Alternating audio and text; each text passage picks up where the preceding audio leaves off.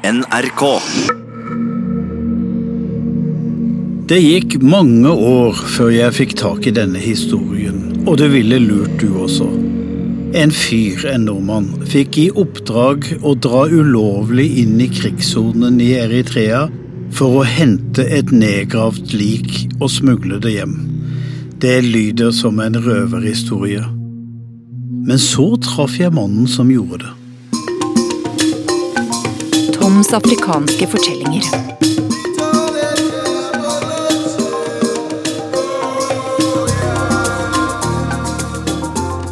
Jeg heter Tom Kristiansen og har reist mye i Afrika for NRK. I denne podkasten får du høre noen av de historiene som jeg har samla.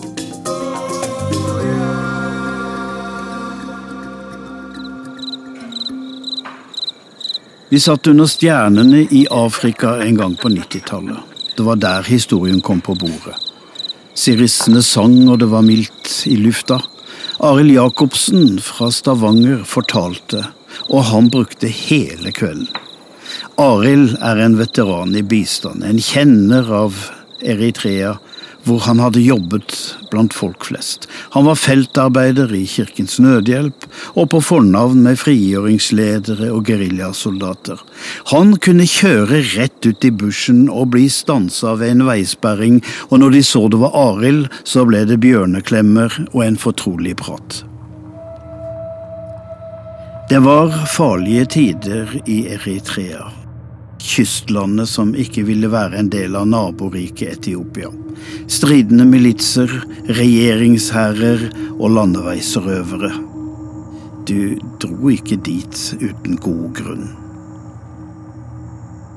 Denne historien som Arild forteller, dreier seg egentlig om Gjøran Aspring.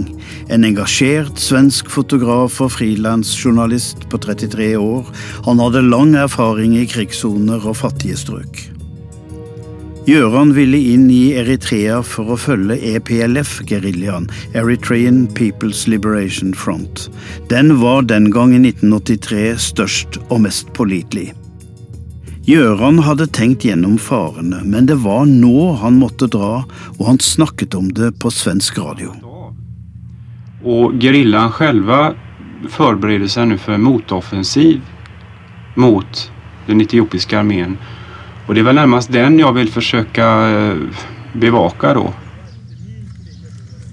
Gjøran Aspring drar til Khartoum i Sudan, og så inn i Eritrea. I grensebyen Germaika treffer han sitt følge. De spiser et solid måltid, det kan bli lenge til neste gang. Gjøran skal dra videre med en gruppe fra bevegelsen, men han blir advart av Petros Salomon fra EPLFs ledelse. Det er røvere langs veien. På den annen side. Det er kveld, det er mørkt, og da blir de usynlige. Her er ikke veier. Landskapet er karrig, men med busker og kratt. Samson ved rattet vet likevel hvor han skal. Han har vært soldat siden han var ni, og måtte ta en pause etter litt for mange granatskader. La meg presentere de andre i bilen. Gjøran sitter midt i framsetet, men bytter plass for han vil se stjernehimmelen. Den han sitter ved siden av, heter Feseha. I baksetet sitter et nygift par, de er på bryllupsreise.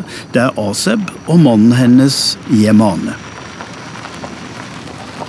Samson skal passere et tørrlagt elveleie og senker farten. Da smeller det. Det gnistrer i rødt og grønt fra ei buske rett fram. Hopp ut, skriker Feseha til Gjøran, men får bare gurgling til svar. De haler ham ut, men Gjøran kan ikke gå. De andre søker ly i det steinete landskapet. De berges av en lastebil som har fulgt etter dem som beskyttelse, og angriperne rømmer. Ingen har siden visst hvem som skjøt. Arild satt i Khartoum og fikk de dårlige nyhetene. Han traff jo Gjøran før han dro inn. Burde han advart journalisten? Liket ble brakt tilbake til landsbyen. Der ble han stelt av en sykepleierstudent på 13 år.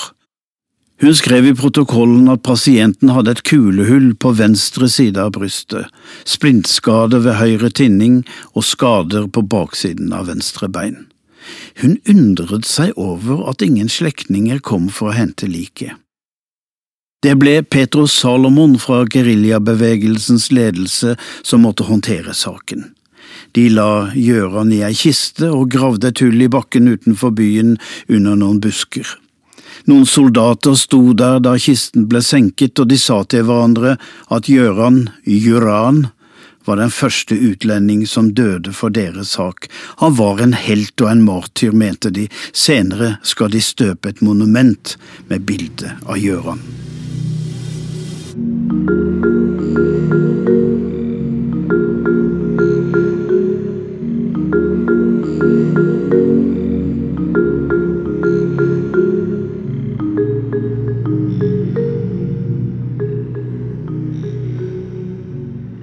I Sverige satt Gjørans mor i dyp sorg og hadde ingen grav å gå til. Kunne noen hente hennes sønn hjem? Hun spurte politiet, spurte presten, ordføreren, Utenriksdepartementet. Alle ristet på hodet. Dødsattesten var jo skrevet av en tenåring, og fantes det overhodet noe bevis for at han var begravd, og hvordan kunne man hente ei kiste i en krigssone for så å få den over grensa til nabolandet Sudan og videre hjem? Glem det. Men svensk UD kontaktet for sikkerhets skyld geriljabevegelsen. Men de kunne ikke hente ut noe lik, de hadde annet å gjøre og svenske diplomater mente det lå langt utenfor deres oppdrag her i verden, men fantes det noen andre? Det var derfor en svensk tjenestemann, utsendt fra Kairo til Khartoum, banket på Arild Jacobsens dør. Kunne han? Arild tenkte seg nøye om. Det var et farlig prosjekt, et nesten umulig oppdrag, men likevel. Ville geriljaen godta at han reiste inn? Kunne liket kremeres, hva ville familien si til det? Skulle han smugle Gjøran ut, skulle han få diplomatisk status, og bare for å gjøre det helt klart, han kunne ikke garantere noe som helst. Men noen dager seinere var diplomaten tilbake. Familien i Sverige godtok kremering, og her har du hva du trenger, et bevis på at du er diplomatisk kurer. Det kan man vel kalle et understatement for en mann med et lik i lasten. Arild var sønn av en blikkenslager, han hadde vært nok i farens verksted for å vite hvordan man forsegler for eksempel en urne, men kremering, hvordan gjør man det? Arild oppsøkte en indisk dame i Khartoum og spurte nærmest tilfeldig, hvor lenge tar det å brenne et lik? Jo, det tar tid, minst tre dager, og du trenger ved til kraftig varme. Men hvordan ser man hva som er aske fra kista og hva som er aske fra liket? Ja, det er enkelt, likets aske blir hvit, aska fra kista blir mørkere, og urnen, hvor stor må den være? Ja, den må romme et par liter. Så pakket Arild en sekk og dro.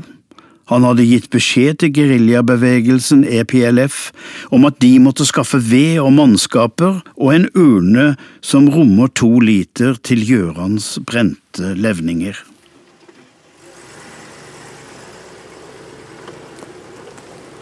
Han kom seg ned til kysten, der han overnattet i Port Sudan. Bilturen tok ti timer.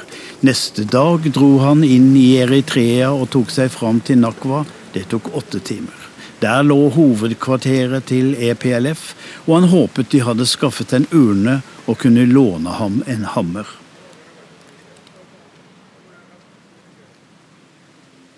Mens Arild ordner sine saker, må jeg fortelle litt om hvor vi er og hvem Arild er sammen med. EPLF kjempet på 80-tallet mot Etiopias okkupasjon av landet. En tredel av soldatene var kvinner. De tok mange etiopiske krigsfanger, men torturerte dem ikke. De fikk utdanning i stedet. Ved siden av krigen drev de skoler og sykehus. De ble ledet av Isaias Afeverki. Han hadde allerede på 70-tallet kjøpt en skrivemaskin, og på den skrev han et politisk manifest for bevegelsen. De var marxister. og ti år etter at Arild nå besøker dem, skal de vinne over det mektige keiserriket Etiopia. I EPLFs hovedkvarter hilser de Arild hjertelig velkommen med Kalasjnikov maskingevær i hånda. Nå skulle han videre inn i landet, opp mot Sudan-grensen, hvor Gjøran Aspring angivelig lå begravd. Det var slett ikke et trygt område. Her var få veier, men nok av landminer, så de kjørte i de ferskeste bilsporene. I det buskete landskapet var det lett for landeveisrøvere å forberede et bakholdsangrep. De humpet av gårde i den steikende varmen med åpne vinduer, og de kom fram til grensebyen Germaika. 20 mann sto og ventet på Arild. De hadde nok ved, mat og drikke.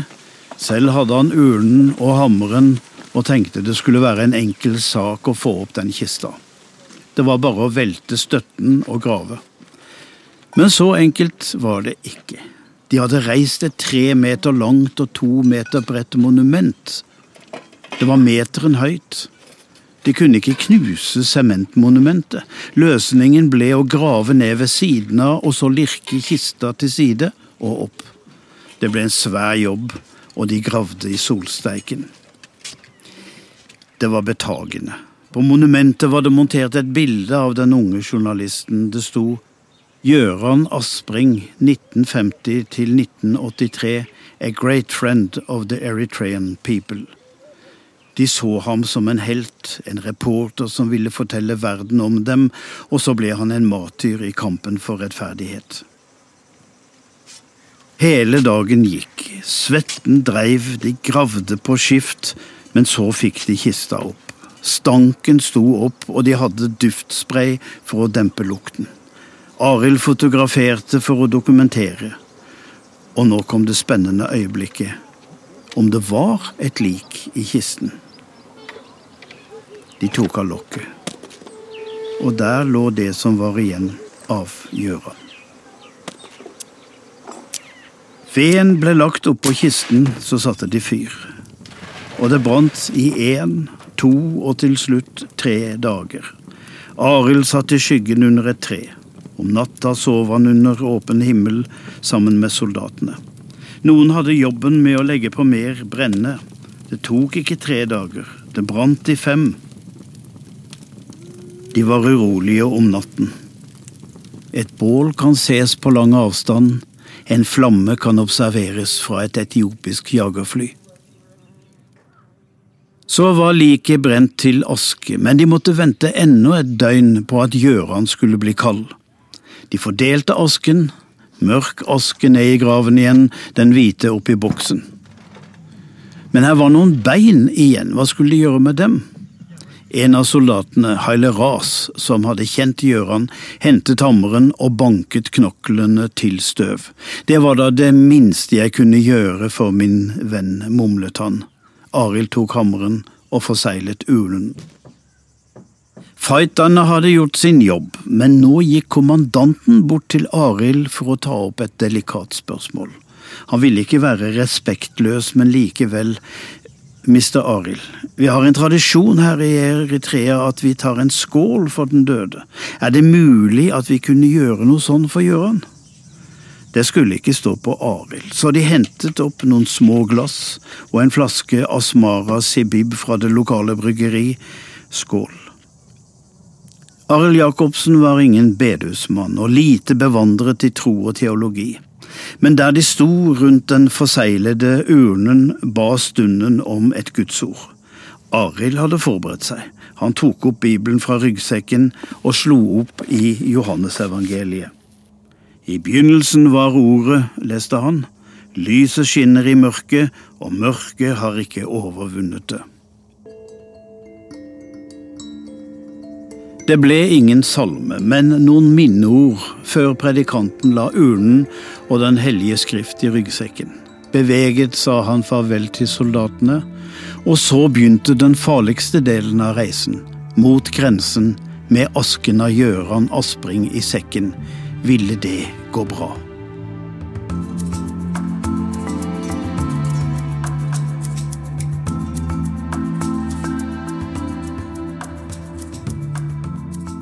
De eritreiske geriljasoldatene som hadde fulgt Arild, dro tilbake til sin leir og fortsatte krigen mot Etiopia. De holdt på til 1993. Da vant de, slitne og fattige, over Etiopias mektige hær.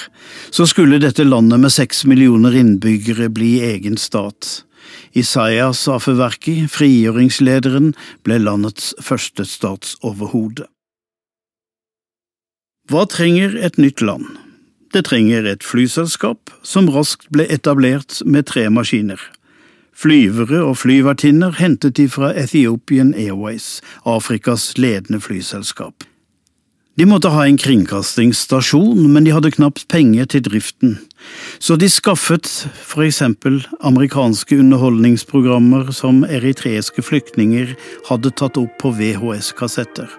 Derfor sendte eritreisk fjernsyn Dynastiet med svenske tekster. Mens Eritrea forbereder sin nasjon, må jeg fortelle historien om nabolandet Etiopia, som de hadde vært i krig med.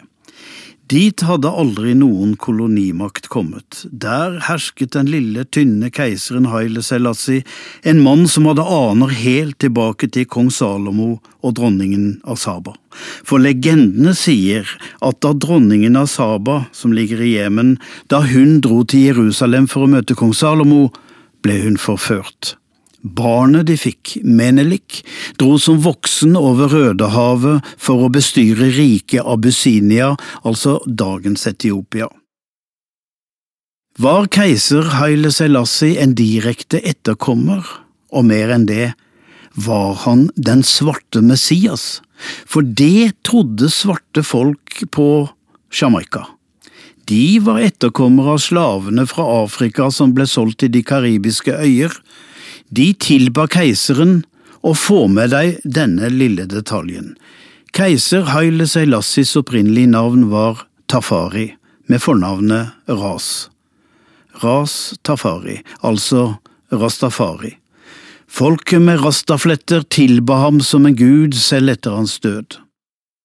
Denne ras, altså Haile Selassie, trengte adgang til havet for internasjonal handel, import og eksport, han trengte Eritreas kyst.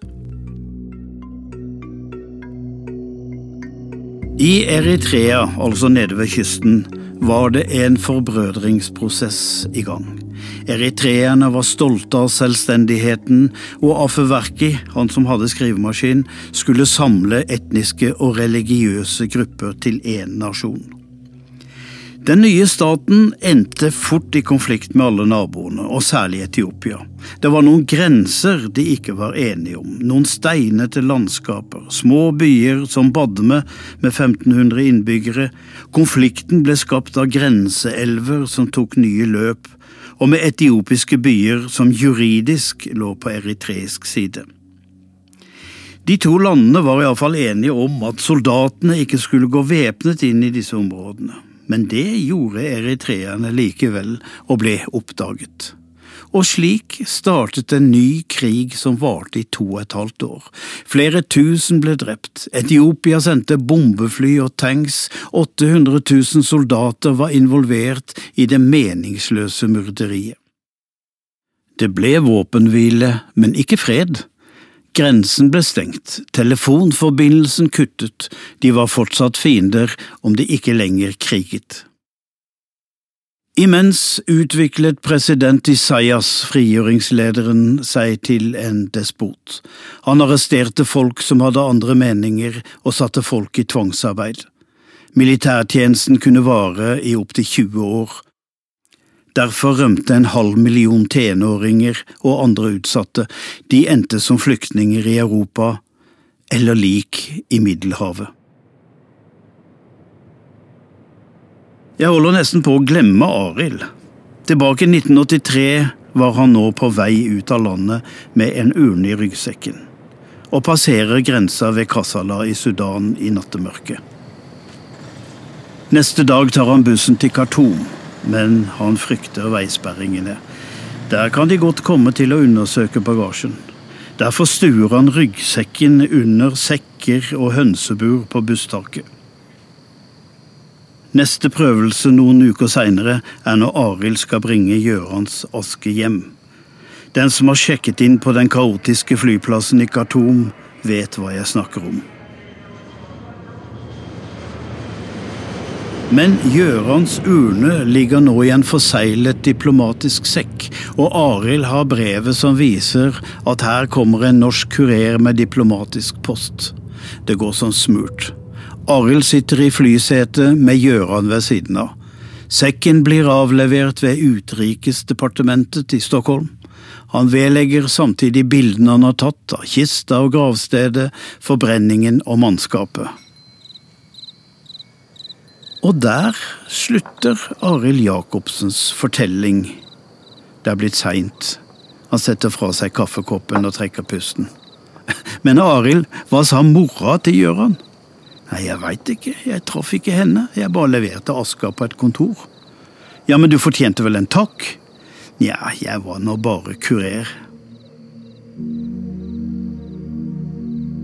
Men historien er ikke helt slutt. De overlevende i bilen til Gjøran gikk videre. Jemane i baksetet, som var nygift og på bryllupsreise, han ble rådgiver for presidenten, mens kona Aseb ble generaldirektør i Nasjonalbiblioteket og Arkivet. Fesser Ha, som Gjøran byttet plass med i forsetet, og som dermed ikke ble skutt, han ble ambassadør i Egypt siden departementsråd i Utenriksdepartementet. Han ble far like etter bilturen og ga barnet et rart navn. Y-O-R-A-N Joran. Det er siden blitt et vanlig navn i Eritrea. Og så var det én ting til. 9. juli 2018, altså i fjor, undertegnet Etiopias statsminister Abiy Ahmed og Eritreas president Isayas Afewerki en fredsavtale. Erkefiendene tok hverandre i handa, flyruter ble etablert, telefonforbindelsen gjenopprettet og grensene åpnet. Den første måneden dro 10 000 eritreere over grensa for å møte slektninger som hadde rømt. De kysset og gråt. Så blir spørsmålet da om de drar tilbake igjen til et diktatur, og kanskje viktigere, vil diktaturet Eritrea overleve åpne grenser? Vil Isaias overleve?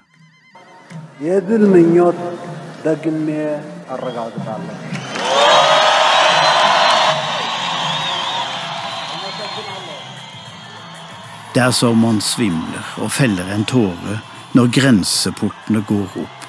Folket er ikke lenger stengt inne, og der soldatene med skarpladde våpen pleide å stå, der danser nå kvinner i rødt og gult, grønt og blått. De to statslederne, fiender fram til 2018, holder rundt hverandre. Så finner de sin plass ved hvert sitt skrivebord i en stor hall. Flagg, søyler, nypressede festuniformer, kortreiste blomsteroppsatser Store protokoller blir åpnet, og de to skriver hvert sitt navn. Siste ord er skrevet i en fredsavtale. Den gjøres straks tilgjengelig, og jeg fører fingeren over teksten i avtalen. På første side står det Krigstilstanden har tatt slutt. En ny æra av fred, vennskap og omfattende samarbeid har begynt.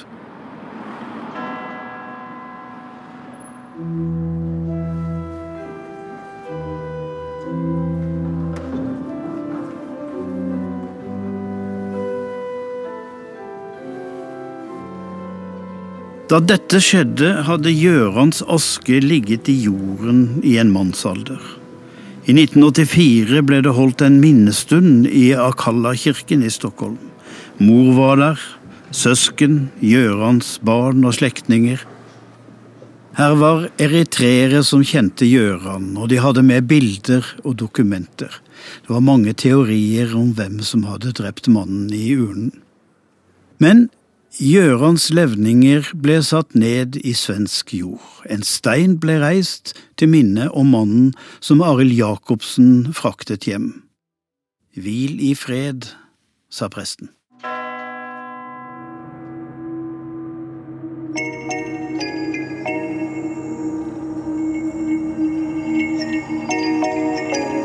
Toms afrikanske fortellinger. Neste gang skal jeg fortelle en historie fra Sør-Afrika. Om da den farligste fangen, Nelson Mandela, i dypeste hemmelighet ble kjørt rundt i Cape Town midt på blanke formiddagen. Toms afrikanske fortellinger. Klipp og lyddesign var ved Lillian Grønning, og Marius Christiansen har laget musikken.